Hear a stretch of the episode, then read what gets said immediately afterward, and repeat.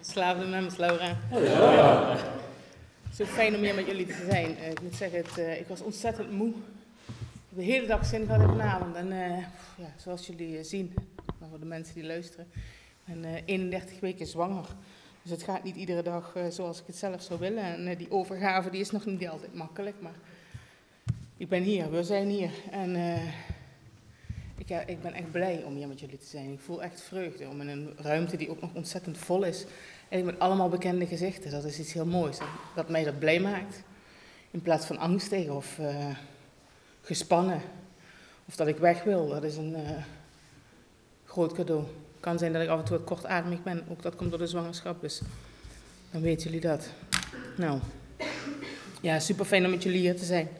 En uh, dankbaar dat het kan. Het contrast is zo ontzettend groot. En uh, dat toont meteen aan dat toen ik hier tien jaar geleden binnenkwam. En uh, nou, ik kwam binnen, in Nederland kwam ik binnen, dat was het e-, eind mei, zeg maar. Want ik, ik ben naar een, in een kliniekopname geweest. En daar ben ik in aanraking gekomen met NA. En toen ik terugkwam in Nederland ben ik naar mijn eerste meeting hier gegaan. En ik ben nooit meer weggegaan. En dat maakt dat ik nou hier nog zit. Clean. En uh, ik leef een nieuwe manier van leven. En dat is het leven volgens het NA-programma. En dat is wat ik met jullie wil delen vanavond. Hoe dat voor mij eigenlijk werkt. Hoe dat vandaag de dag voornamelijk werkt. Ik wil niet al te veel kwijt over hoe het was. Als mensen dat willen weten, de meesten weten het wel. Ik wil best wel wat korte verhalen vertellen. En af en toe kunnen we er ook nog om lachen. Maar uh, eigenlijk is het ontzettend verdrietig, zeg maar. Hè?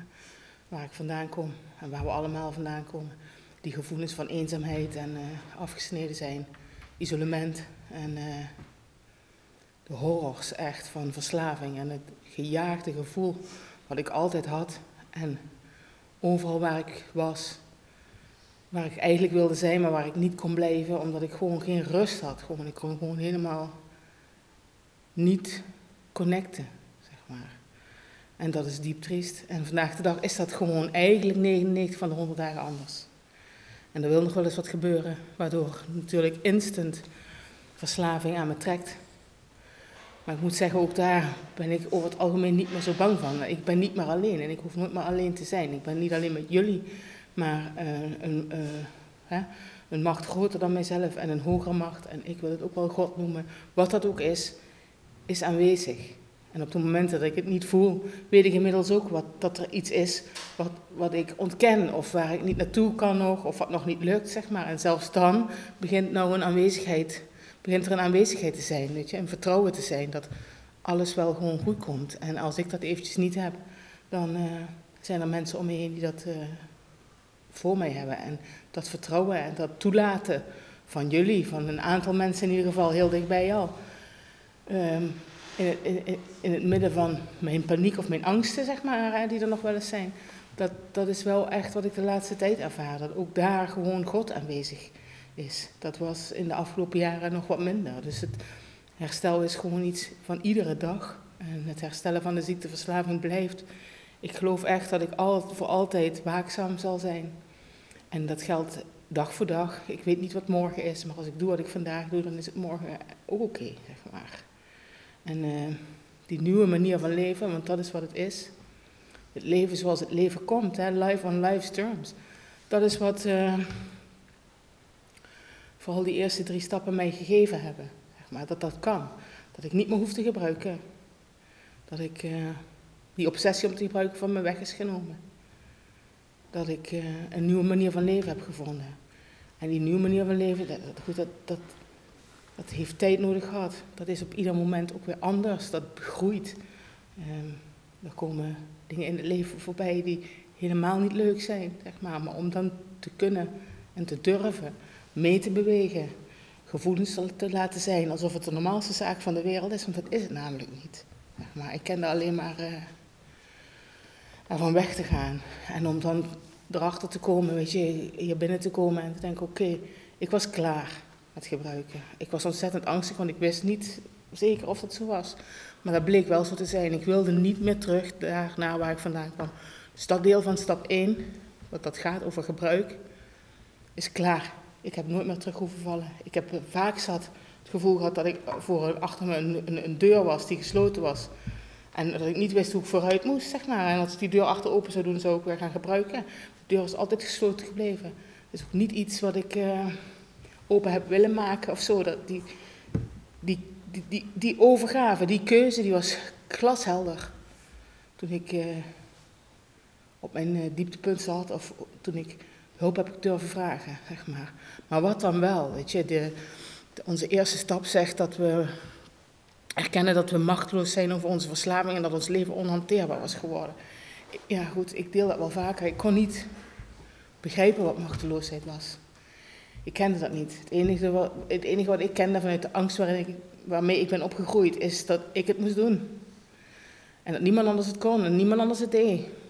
Maar dat ik het eigenlijk ook niet kon en dat ik het ook niet wist. En dat is een hele akelige, enge, eenzame plek alleen, zeg maar.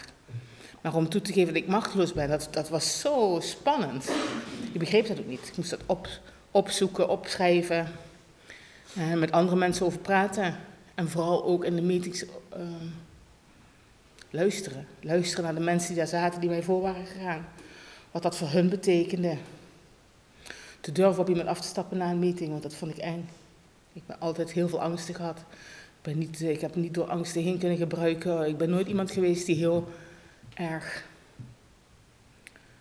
Uh, hoe zeg ik dat? Dacht het echt allemaal te weten. Natuurlijk heb ik die houding wel heel erg, maar het is niet dat ik uh, als een soort, uh, hoe moet ik dat nou zeggen? Nou, in ieder geval, ik was ontzettend angstig. Ik denk niet dat het aan de buitenkant misschien heel erg zichtbaar was voor iedereen, maar het voelde wel zo. Het was ontzettend uh, eng om in een groep mensen te komen zonder drugs, want dat was het. Als ik drugs gebruikt had, had ik mijn mondje bij me en kon ik van alles totdat er helemaal uh, doorschoot en ik uh, drie dagen later ergens uh, belandde waarvan ik geen idee had hoe ik daar was gekomen. Maar um, om zo naakt, want dat voelde zo zichtbaar te zijn. En dan ook nog eens als ik bij iemand iets gehoord dat die iets zei, ik dacht, boah, daar, heb ik wat aan. Om dan na de meeting even ja, diegene op zijn rug te tikken en zeggen van, goh, hoe was dat voor jou? Of hoe heb je dat gedaan? Of ik wil dat ook proberen, want zo werkt het wel. Het werkt door acties door uh, dit programma letterlijk te werken, door daarover te schrijven, door, uh, door te bellen, door te praten met mensen. Maar ook door de tijd te nemen. Ik, uh, ik kreeg een begrip van onhanteerbaarheid. Voor mij was dat iets wat, wat, wat, heel duidelijk was. Onhanteerbaarheid van mijn binnenwereld, zeg maar. Ik kon mezelf niet vertrouwen. Ik begreep helemaal niks. Ik was één ratje toe van gevoelens en gedachten en een stuiterbal. Ik was heel druk in het begin, in het begin herstel. Was echt een druk iemand die heel veel praatte en het liefst overal overheen praten buiten de meeting zo. En als het dan stil was in de meeting, van af en toe als ik zo geraakt werd, ik wilde verdwijnen door de muur. Zo uh, moeilijk vond ik dat om. Uh, luisteren kan ik het niet noemen, dat was toen nog helemaal niet. Om gewoon te kunnen, stil te kunnen blijven zitten. Dus om die empathie op te brengen, dat er nieuwe mensen zijn en die kunnen niet stilzitten, die staan tien keer op om naar de wc te gaan of zo. Dat is allemaal goed ik weet hoe het was voor mij, zeg maar. Ik denk dat dat een heel belangrijk stuk is om later in herstel te gaan uh, toepassen. Het plekje in mij vinden, wat kan begrijpen waar iemand anders is, zeg maar. Want ik ben daar ook geweest. Hè. Die empathie is uh, ontzettend belangrijk en dat gaat niet vanzelf. Dat is, dat is een beoefening, hè? net zoals alle andere spirituele principes, is een beoefening van, uh, van datgene. Om dat, om dat eigen te maken. En ieder op zijn eigen manier. Weet je. Ik doe dat op een bepaalde manier. Ik deel dat met jullie. En ik deel dat met de mensen die met mij bellen. En ik doe dat zo. Ga maar kijken, weet je. Ga kijken wat voor jou werkt. Er is niet één manier om dat te doen. De manier is de twaalf stappen en de twaalf tradities. Maar daarbinnen zit zoveel ruimte, omdat ieder zijn eigen persoontje is. Dus uh, dat vind ik het mooie van dit programma. Dat we gaan leren kijken naar wie wij zijn. Zeg maar. Dus die onhanteerbaarheid die was duidelijk toen ik eenmaal begreep dat die machteloosheid hè, was, dat ik, eh, dat ik machteloos ben over mijn verslaving en dat verslaving een ziekte is. Sommigen noemen het een stoornis, maar ik vond het heel erg fijn om te horen dat het een ziekte was. Dat ik niet schuld was hè, over mijn ziekte, want ik kwam met heel veel schuldgevoel. Ook daar eh, bleef ik maar op doordenderen. Vanuit schuldgevoel handelen, zeg maar. Schaamte, vanuit schaamte handelen. Dus alles was eigenlijk oneerlijk. Dat kon ik op een later tijdstip terugkijkend pas zien. En uh, dat mijn houding, weet je, mijn persoonlijkheid en mijn negatieve kijk op dingen. Hè, of het slechte van dingen zien, of het, uh, de angsten die ik had, de paniek die ik vooral had en ook de zorgen. Ik had heel veel zorgen om morgen en, uh, en, en, ik zag overal balberen op de weg. Ik was daar wel een beetje aan verknocht, zeg maar. Om dat te gaan zien, zeg maar. Oké, ik ben machteloos over wat er gebeurt. Ik ben machteloos over veel meer, zeg maar. Over al die dingen. En dat is mijn ziekte. En uh, de grootste componenten van die ziekte zijn obsessie en compulsie. Weet je, dat idee in mijn hoofd. Ik was daar, ook daar was ik school ontzettend aan. Ik kon niet zonder of zo. Ik vond het heerlijk als ik ergens ingezogen werd en daar uh, tot op minuscule iets me in kon verliezen. Want dan hoefde ik niet bezig te zijn met de wereld om me heen en, en alles. En in die compulsie van het geniet van het gebruik van drugs, maar de vervangingen daarvan, zeg maar. Van het, uh, voor mij een eetstuk heel groot is, maar ook het zorgen voor andere mensen. Uh, het Netflix wat voorbij is gekomen bij mij, kon ik uren, dagen gewoon inkruipen. En dat kan ik nog steeds. Hè. En uh, dat gaf me gewoon een fix, een goed gevoel. Gewoon. En ik heb geleerd hier, door clean te zijn, dat er meestal dan iets anders aan de hand is in mijn binnenwereld. Of een situatie buiten die iets doet met mijn binnenwereld. Waardoor ik, uh, waar ik eigenlijk niet aan wil, of wat ik te spannend vind, of wat ik niet durf. Of dat ik het wegduw met iets anders. Ja, en in die compulsie, op een gegeven moment voelt dat gewoon niet meer goed. Hetzelfde als gebruik, weet je. Het is een fix op dat moment, maar de uitkomst is altijd desastreus. En geen verbinding meer, niet meer met mezelf, niet meer met andere mensen, niet meer met jullie, weet je. Dus dat is een beetje het concept van wat verslaving dan is en, en, en, en wat die oplossing dan is. Weet je? Om te leren, een meeting te zijn, met jullie te delen, te bellen als ik dat doe. En in het begin was ik doorlopend boos op mezelf. Ik was alleen maar boos dat het gebeurde. En dat was echt, uh, als ik daarop terugkijk, dan denk ik, oh, wil ik heel graag aan iedereen die binnenkomt meegeven dat het oké is, zeg maar. Als we clean zijn, is gewoon een dag gewoon oké. En alles wat daarna gebeurt, is, is een kans. Een kans om uh, te leren, is een kans om te groeien. Kan niet zomaar vanzelf gaan. Weet je. Ik heb mezelf zo op mijn kop gezeten, die haat naar mezelf was zo ontzettend groot. Dat, uh, ja, het is verdrietig om daar terug te kijken. Maar die, die, dat, die haat en al die dingen, die zaten er ook toen ik drugs gebruikte. Alleen, goed, ik kon dat heel lang weggebruiken. Dus ik ben heel blij geweest dat ik niet meer met en ook niet meer zonder kon. En dat er echt een, een wanhoop, dat er wanhoop heeft moeten komen om, om, om te kijken dat er voor mij ook hulp was. En uh, ik was al lang blij dat ik niet meer hoefde te gebruiken toen ik binnenkwam. En na een paar maanden dacht ik, oké, nou 90 dagen, jeetje mina, weet je. En dan drie maanden wachten tot een half jaar, boah. En dan toch, die blauwe, dat was een wonder. En dat is het nog steeds. Ik kende dat niet. En struikelen en struikelen en vallen en opstaan. En uh, ja, ik denk nog wel eens terug aan het eerste jaar en wat ik me daar nog van herinner. En voor mij was dat wel een heel mooi jaar. Er zijn heel veel dingen gebeurd, maar ik, zat, ik heb lang op een soort roze wolk gezeten. Dus voor mij was het al gauw halleluja en uh, mooi. Maar in het, uh, in het tweede jaar kwam toch wel ook echt wel uh,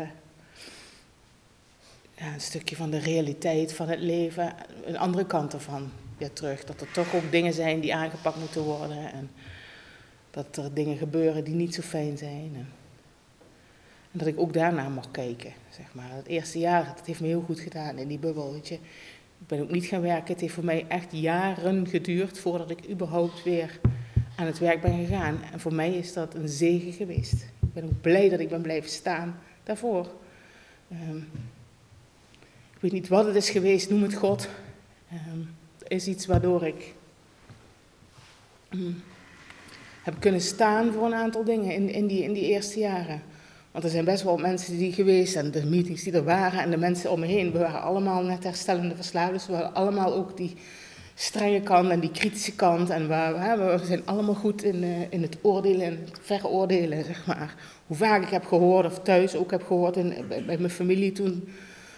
Je moet toch weer wat doen en uh, je moet weer onderdeel worden. En het staat zelfs ook in de basic tekst. En natuurlijk is dat zo. Ik zie voor mij dat ik, en ik wist het ergens diep van binnen, dat ik uh, moest herstellen, zeg maar. Want anders werd het mijn dood.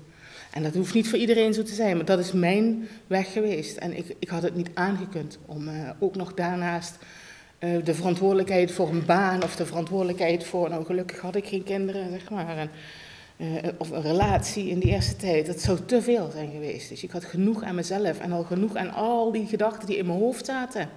De verantwoordelijkheid die ik voelde, die helemaal niet van mij was. Weet je, ik mocht langzaam gaan uh, laten onthullen door gewoon langzaam stil te worden. Te durven met mezelf te zijn. Te durven uh, thuis te zijn, alleen een dag. Hè, of een avond op de bank zitten. Weet je. Ik heb moeten leren zorgen voor mezelf.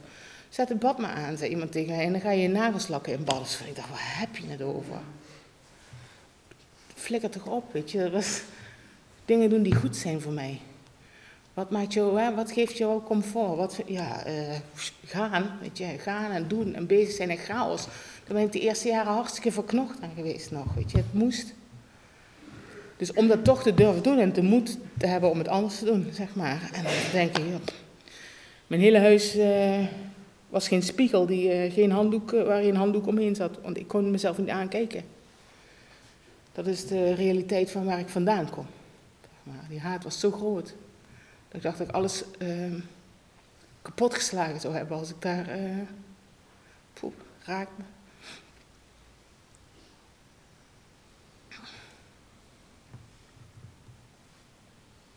Oh, wat was die haat groot.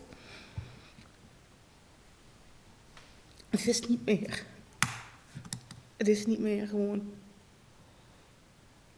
En dat komt allemaal door gewoon hier te zijn. Clean te zijn en hier te zijn. En dan te kijken van hoe werkt dit programma voor mij? Weet je, wie heeft wat te bieden, wat mij kan helpen, met wie. Wie is hier uh, hè, vanavond die winnaar die hier iedere keer komt, van wie ik hoor dat hij herstel pakt. En, uh, en dingen heeft die, ik ook, die ook ik wil, zeg maar.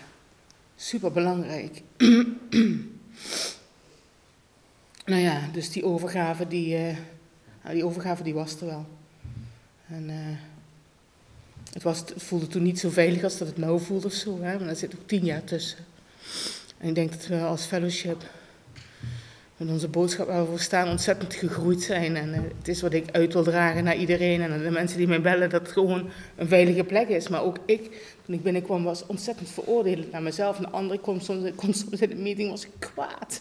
En ik zie het nou om me heen ook gebeuren. En bij ons in de groep en overal. Mensen, oh, alleen maar eh, bezig kunnen zijn met wat anderen niet goed doen. En dan wel, wel al weten dat het, dat of irritatie, of vandaag nog iemand aan de telefoon zei, oh, ik ben zo geïrriteerd op die, die, die, wat, gebeurt er nou in jou, weet je.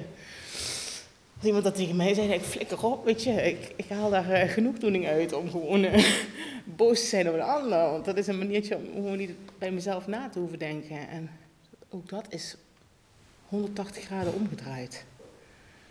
En dat is wel werkelijk een... een werkende relatie met een hogere macht. Waardoor dat gekomen is. Weet je, dat komt niet door mij. Alles wat ik zeg, wat ik ken, wat ik weet, heeft niks te maken met iets wat ik doe. Ik moet een voetenwerk doen. En uh, blijkbaar is dit het resultaat daarvan. En die stap 2 die zegt dan uh, dat we een, macht groter dan onszelf vinden. Nou, daar hebben we het al de hele tijd over. Jullie zijn dat voor mij, weet je. De NA-meetings zijn dat voor mij. Uh, telefoongesprekken zijn een macht groter dan mezelf iets wat iemand zegt in een meeting, hè, kan ik uh, horen. En dat zijn gewoon allemaal um, machten groter dan mij. En die stap 2 die zegt niet dat, uh, dat er al een God is. Ik zei dat laatst ook al, weet je. Die zegt het is een macht groter dan mezelf. En we kwamen te geloven dat die ons geestelijk gezond kon, kon maken. En hier staat ook meteen het stukje waar het gaat over uh, dat het niks meer met drugs te maken heeft. We zijn hersteld voor het gebruik van drugs als we overgave hebben toegepast aan onze stap 1. En dan gaat het alleen nog maar over, oké, wat is die houding dan? Wat is mijn persoonlijkheid? Wat doe ik? Weet je? Ik zeg wel eens tegen sponsors, welke vrouw wil je zijn? En uh, hoe ziet dat eruit? En uh, dan kunnen we kijken en ben ook ik gaan kijken naar, wat doe ik eigenlijk? Weet je? En is dat, ik, is dat iets wat ik eigenlijk wel wil doen? Nee, honderdduizend dingen waren die ik deed, dacht ik van, nou, daar zit een motief achter. En mijn motieven hebben ook weer motieven. En zo langzaam ontrafelde zich dat een beetje. En kreeg het goede de overhand, weet je. Is heel bijzonder. Pijn is ook een macht groter dan onszelf.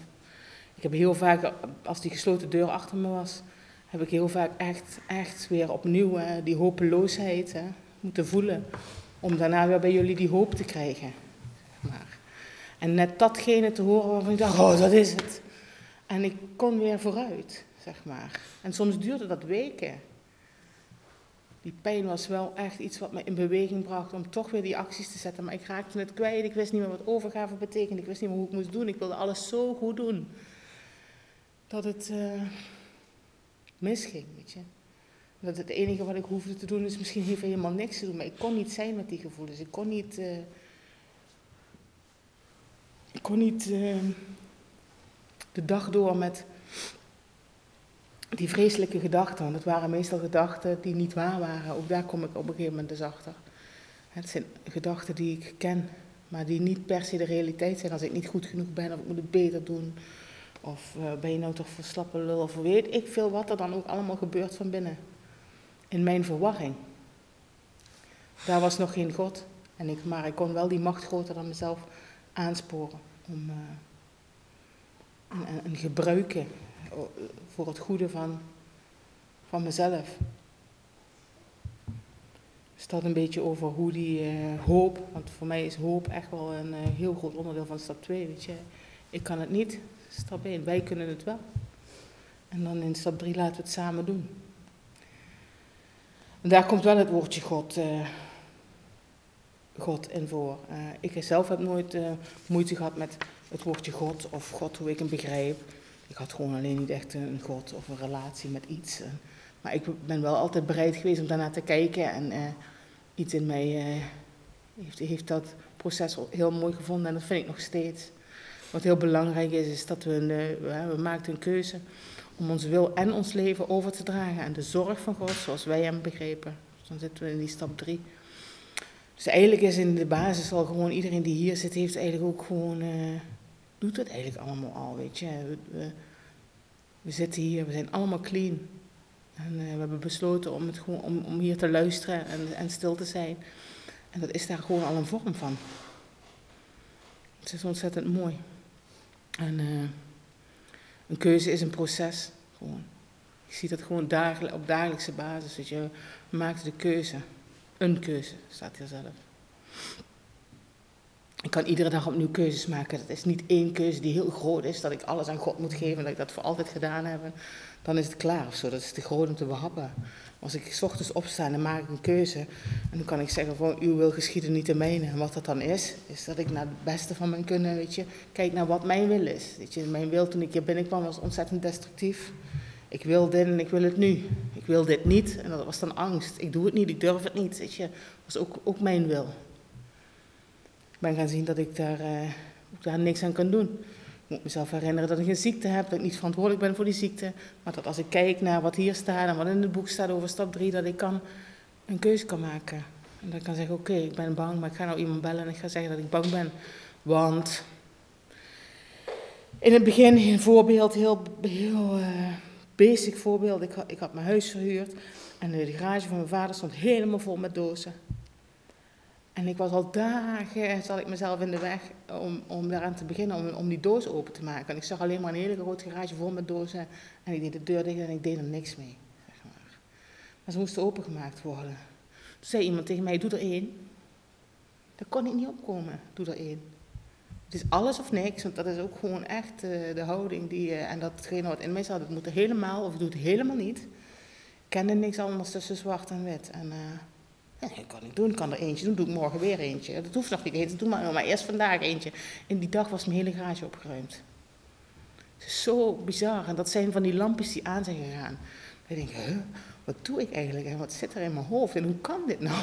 Ik was me daar nooit bewust van. Weet je, clean zijn heeft me, en hier terug blijven komen heeft ervoor gezorgd dat ik langzaam een bewustzijn krijg van, wat denk ik eigenlijk, weet je? Wat doe ik eigenlijk en waarom doe ik dat en hoe kan dat? En, en soms zag ik de ridiculiteit ervan in. En soms was het ontzettend verdrietig. Ik denk, wij mijn leven dit lopen doen en, uh, als een denderende trein. En uh, waarom heeft nooit iemand dat gezegd? Maar ja, goed. Kans goed dat heel veel mensen dat hebben willen zeggen, maar ik liet dat niet toe. Maar. Dus, um, nou ja, dat is een simpel voorbeeld van hoe, een, uh, hoe die stap 1, 2 en 3 werken. En dat gaat dan om een heel praktisch iets als het opruimen van een garage. En dat is gelukt. En later kwam er een huis en toen moest er een huis ook schoongemaakt worden. En dan komt er een relatie en dan komen er dingen die gedaan moeten worden. En ik ben op een gegeven moment zo trots geweest op het feit dat er gewoon wat centjes op de spaarrekening staan, zodat je een schutting kunt zetten of een overkapping kunt maken of daar zorg voor kunnen dragen. Want dat is wat stap 3 voor mij ook is. We leren om hè, mijn destructieve wil over te dragen, maar we leren om uh, volwassen en verantwoordelijk te reageren op dingen of om te kunnen gaan met het leven. En de eerste drie jaar had ik daar een hekel aan. Ik bedoel, als het woordje verantwoordelijkheid in die voorleeskaart kwam, dacht ik, ja, ja, ja, ja, ja. Ik bepaal zelf wel wat ik doe. Weet je. En soms, eh, als er nieuwe dingen zijn en ik heb angst, mag nog niemand er dichtbij. En dan moet ik eerst zelf bepalen wat ik doe. En uh, daar, ook daar heb ik begrip voor gekregen. Maar hier aan zo'n tafel, waar niemand iets zegt wat ik moet doen, hoor ik mijn oplossingen. En is er inmiddels zoveel eerlijkheid naar mezelf gekomen, dat ik ook weet dat als ik blijf zitten in die houding, doe ik mezelf pijn. En ik ben niet meer alleen verantwoordelijk voor mezelf. Ik heb inmiddels een relatie, ik heb vriendschappen, relaties, allerlei mensen om me heen. Waar ik, uh, waar ik ook niet meer zo egocentrisch kan zijn. Ik wil dat ook gewoon niet meer. Dus uh, als het niet meer alleen maar gaat omdat ik geen pijn heb, gaat het ook nog omdat ik gewoon heel graag. Ik hou van de mensen om me heen. En ik hou van jullie allemaal. En, ik zal niet moedwillig iemand pijn doen. Om, om, voor mijn gewin of voor wat ik wil of zo. Vroeger kon ik nog niet eens een afspraak maken. Ik maakte met niemand afspraken. Ging gewoon niet. Ik wilde altijd alles kunnen doen wat, mij, wat, ik het beste, wat het beste leek voor mij. En als er iets beters voorbij kwam, dan deed ik dat. Bizar. Dat is echt heel raar, eigenlijk, nu. Maar het is echt zo. En ik, en ik heb vriendschappen verloren, mensen zijn uit mijn leven verdwenen, weet je, ook in herstel nog. Omdat ik niet uh, eerlijk durfde te zijn of uh, omdat er misschien iets beter was, was of zo. Dat is wel nog gebeurd. Maar goed, ook daar heb ik naar mogen kijken. En zijn er misschien nog wel dingen om goed te maken. Maar dat komt, weet je. Het andere stukje van God is. Uh, de zorg van God zoals wij hem begrepen. En dan is het, woordje zorg belangrijk, omdat dat iets is wat ik niet kende. En iets liefdevol, zorgzaam en groter dan mijzelf. Onvoorwaardelijk. Dat was heel raar. Dat, uh, dat is iets dat is gegroeid in de afgelopen jaren. Maar ik kende dat niet, niet vanuit thuis. Er waren altijd voorwaarden, weet je, ook al was het zo goed bedoeld.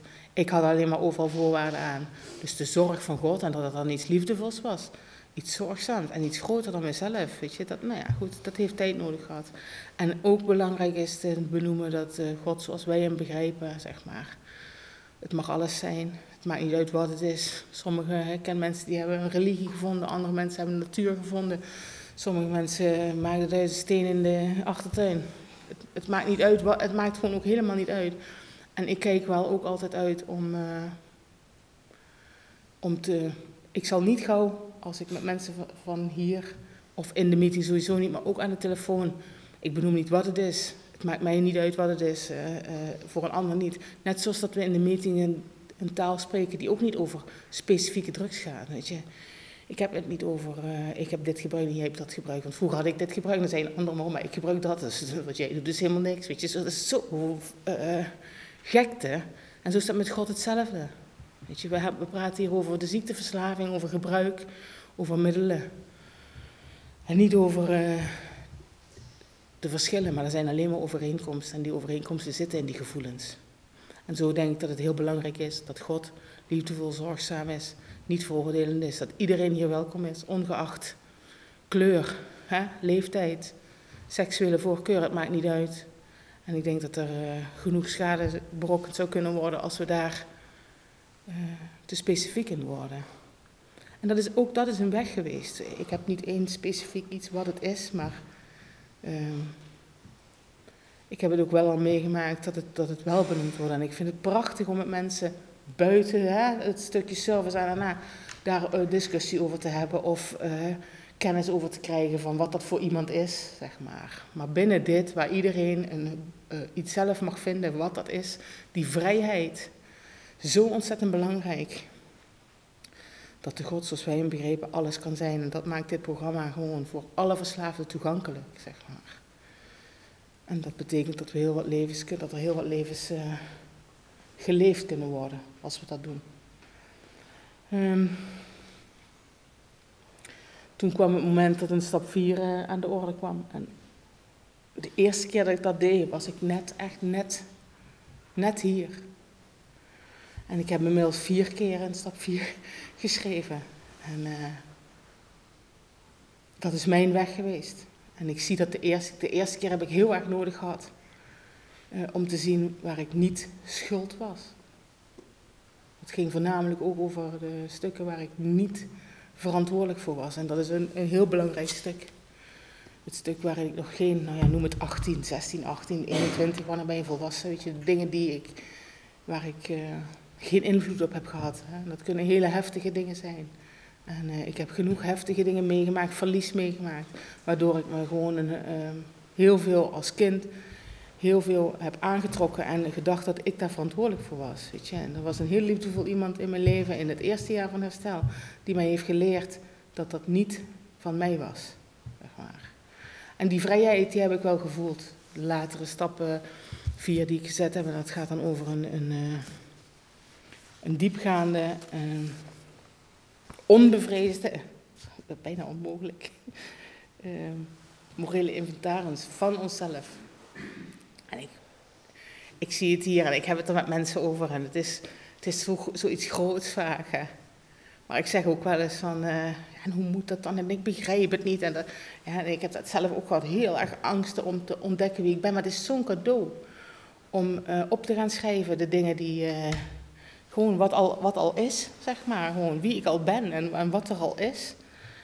En, en dan kan ik altijd nog kijken of ik dat met een ander mens deel. Maar ik zeg ook wel eens, ja, als ik meer aan de telefoon heb, dan zeg ik, weet niet hoe en waar ik moet beginnen. Ik zeg, nou ja, wat je de rest van de dag doet over andere mensen, dat is een inventaris. Ik zeg, nou moet je alleen over jezelf gaan. Want daar zijn we allemaal goed in. Laten we wel wezen.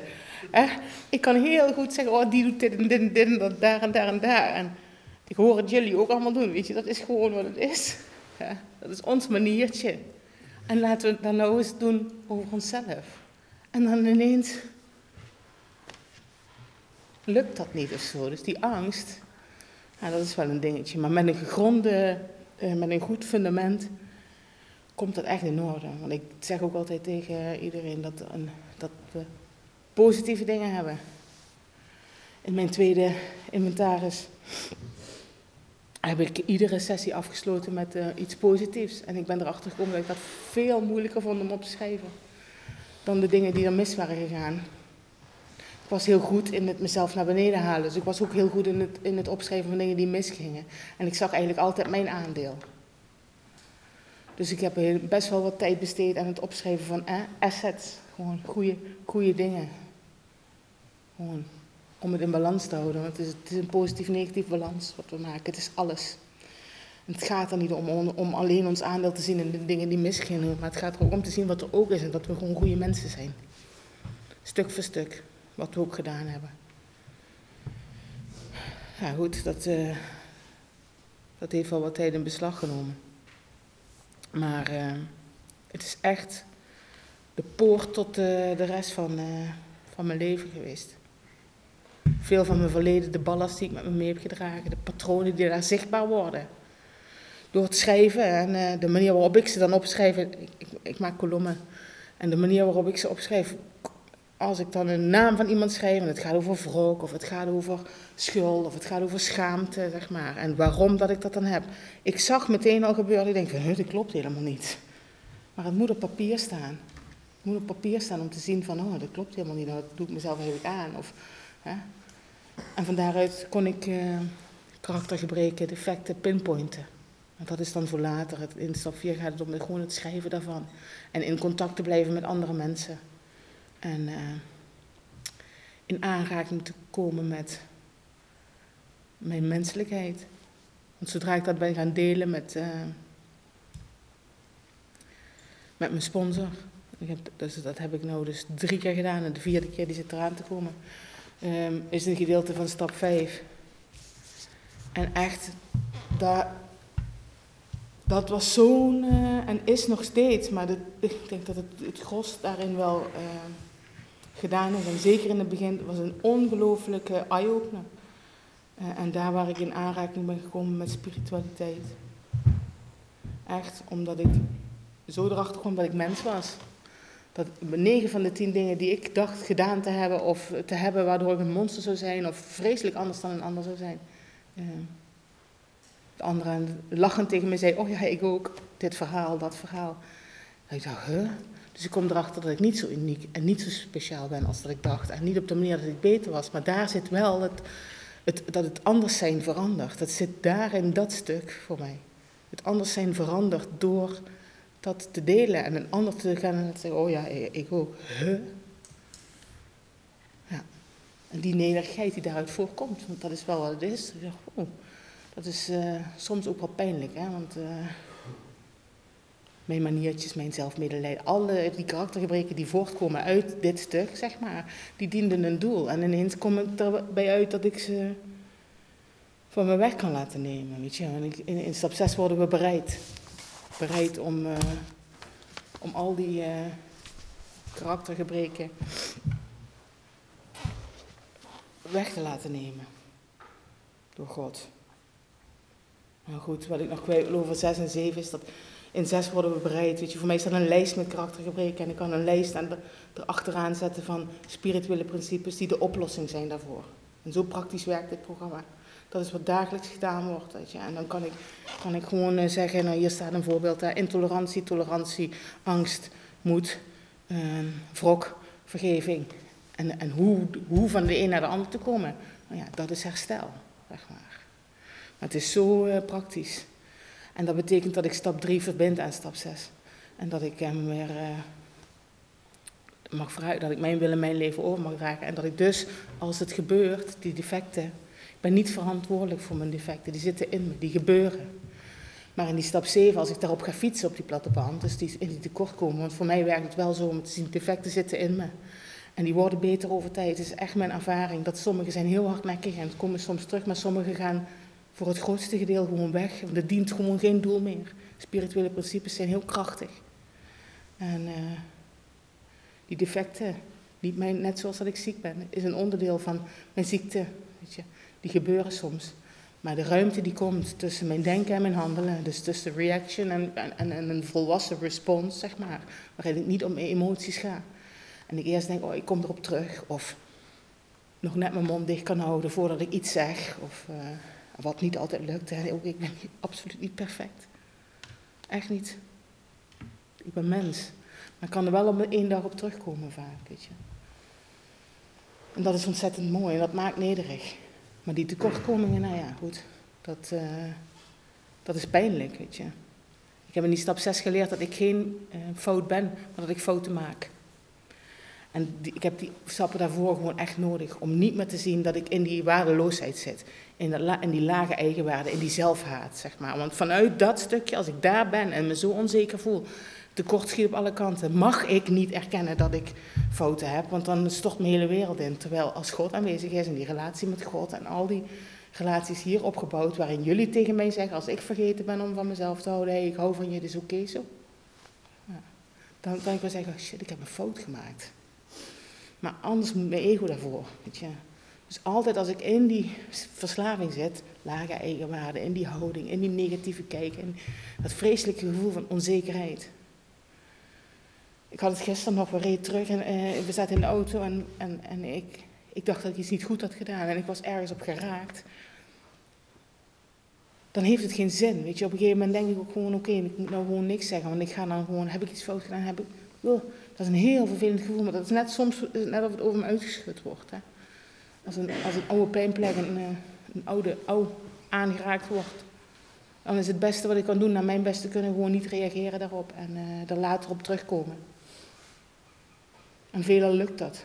En dat vergt inzet, maar dat vergt meerdere mensen die een bepaalde veiligheid hebben gevonden, herstel hebben gevonden de veiligheid wat hier te voelen is in de kamers en de veiligheid ook tussen, uh, tussen twee mensen, het vertrouwen wat er is, de ruimte die er komt.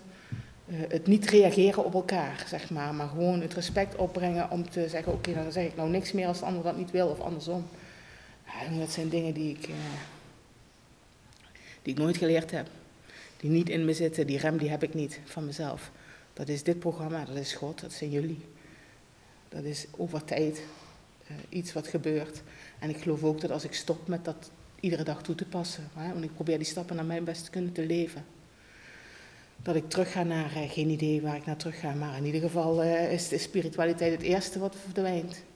Als ik daar niet mee bezig ben. En dan gebeurt mijn hoofd en dan uh, word ik, ga ik mijn, denken geloven en mijn gevoelens zijn waarheid en dat wordt mijn realiteit. Oh, en dan is, er, al de afwezigheid van stappen, zeg maar. En als ik daar maar lang genoeg in zit, dan, dan zou gebruik een optie kunnen zijn. Of denken van nou, ik hoef het leven niet meer te hebben, ik ga liever dood, zeg maar. Dus ik probeer zoveel mogelijk met jullie in die spiritualiteit te zitten. En daar zijn heel veel, heel veel manieren voor. Hè? Door service te doen en door op te komen dagen. Mijn angsten voor de toekomst, want die heb ik nog steeds. Als er iets is, zijn het de zorgen. En voor mij zijn dat nu de zorgen van hoe gaat dat dadelijk als ons dochtertje geboren is. En hoe kan ik dan nog verbonden zijn met jullie. En ik ga nou alleen, het lukt me net om naar mijn homegroep te gaan door uh, vermoeidheid en dingen. Terwijl ik ging heel graag gewoon, uh, het is al lang geleden dat ik hier ben geweest op donderdag, ging graag op donderdag, ging eigenlijk iedere zondag, weet je, dat was, dat was gewoon vaste prik. Ik merk dat wel, weet je, dus wat zijn dan manieren wat ik wel kan Die angsten, die moet ik ook uitspreken. Hè? En dan komen er oplossingen en dan zeggen mensen, oh, dan komen we naar jullie toe, of dan... Uh, en dan mag ik weer zeggen, oké, dat is voor dan. Ik heb het nou uitgesproken. Het is heel belangrijk om ontzettend eerlijk te zijn dat dat in mij gebeurt. Maar goed, u hoeft er vandaag geen eh, last van te hebben door het me te laten overnemen. Ik kan het vandaag loslaten en zien dat het een ontzettend mooie dag is. En dat ik ook met vermoeidheid hier kan zitten, met jullie hier kan zijn. Je, en, uh, en dat het fijn is om, uh, om een nieuwe manier van leven te hebben. En voor mij is het een, een ontzettend fijne manier van leven. Dat is het altijd geweest, dat is het steeds meer geworden. Maar je had me vandaag niet, je had me op in het eerste jaar niet moeten vertellen wat in het tiende jaar uh, aan de orde is of zo. Want dat, dat, heeft geen zin. Dat is net als, als druk maken over stap 4 als stap 1 nog gewoon moet gaan beklijven. Het heeft gewoon geen zin. Echt niet. Het is de moeite waard. Ik heb geleerd dat we niet meer krijgen dan we aan kunnen. En ook dat, zoals nu is er, uh, heb, ik te maken met verlies. Wij te maken met ziekte in de familie. Maar er is, er is zoveel. En mijn zusje gaat trouwen, weet je. het leven zoals het leven komt is heel groot op het moment. En dat maakt emotioneel, dat, dat is lastig, omdat er gevoelens bij komen kijken. Maar op de een of andere manier is toch iedere dag een goede dag. En uh, vind ik het nog het lastig om soms gewoon die gevoelens te laten zijn. Dan denk ik, nou alweer verdrietig. Ja, nee, het is zo, zeg maar. En uh, de kunst om jullie toe te laten blijft altijd uh, wat het is, zeg maar. Ik heb dit programma nodig, want ik ben altijd geneigd om het alleen te doen. Of het in eerste instantie alleen te doen, langer dan nodig, zeg maar. Dat, dat, dat is niet veranderd in die tien jaar. Maar het leven zoals het leven komt is makkelijker geworden. De spirituele principes, voor zover die er nou zijn, zeg maar, die leven in mij en die kan ik toepassen. En het soms, wat in het begin maanden duurde, uh, loopt nou of is soms één of twee dagen is er verwarring als er niet al te grote dingen zijn. Dat is een zegen, want het is een leven waard om te leven ja, volgens mij is dat uh, wat ik heb vandaag. Weet je, ik hou van jullie. Ik hoop dat iedereen deze ruimtes kan vinden. Ik vind het ontzettend fijn dat dit opgenomen wordt. Ik denk dat, dat, uh, dat alles wat wij doen als Narcotics Anonymous, dat dat, dat iets is om die boodschap uit te dragen. Weet je, die belofte van die hoop en die belofte aan vrijheid. En op welke manier dat ook bij bij een nog leidende verslaafde kan komen. Dus ik vind het gewoon echt kicken dat het online komt te staan. En, en dat mensen gewoon op een knopje kunnen duwen ergens anders en, en dit kunnen luisteren, zeg maar. Dus uh, ja, vooral mee blijven doorgaan. Bedankt. Dat was het. Dankjewel.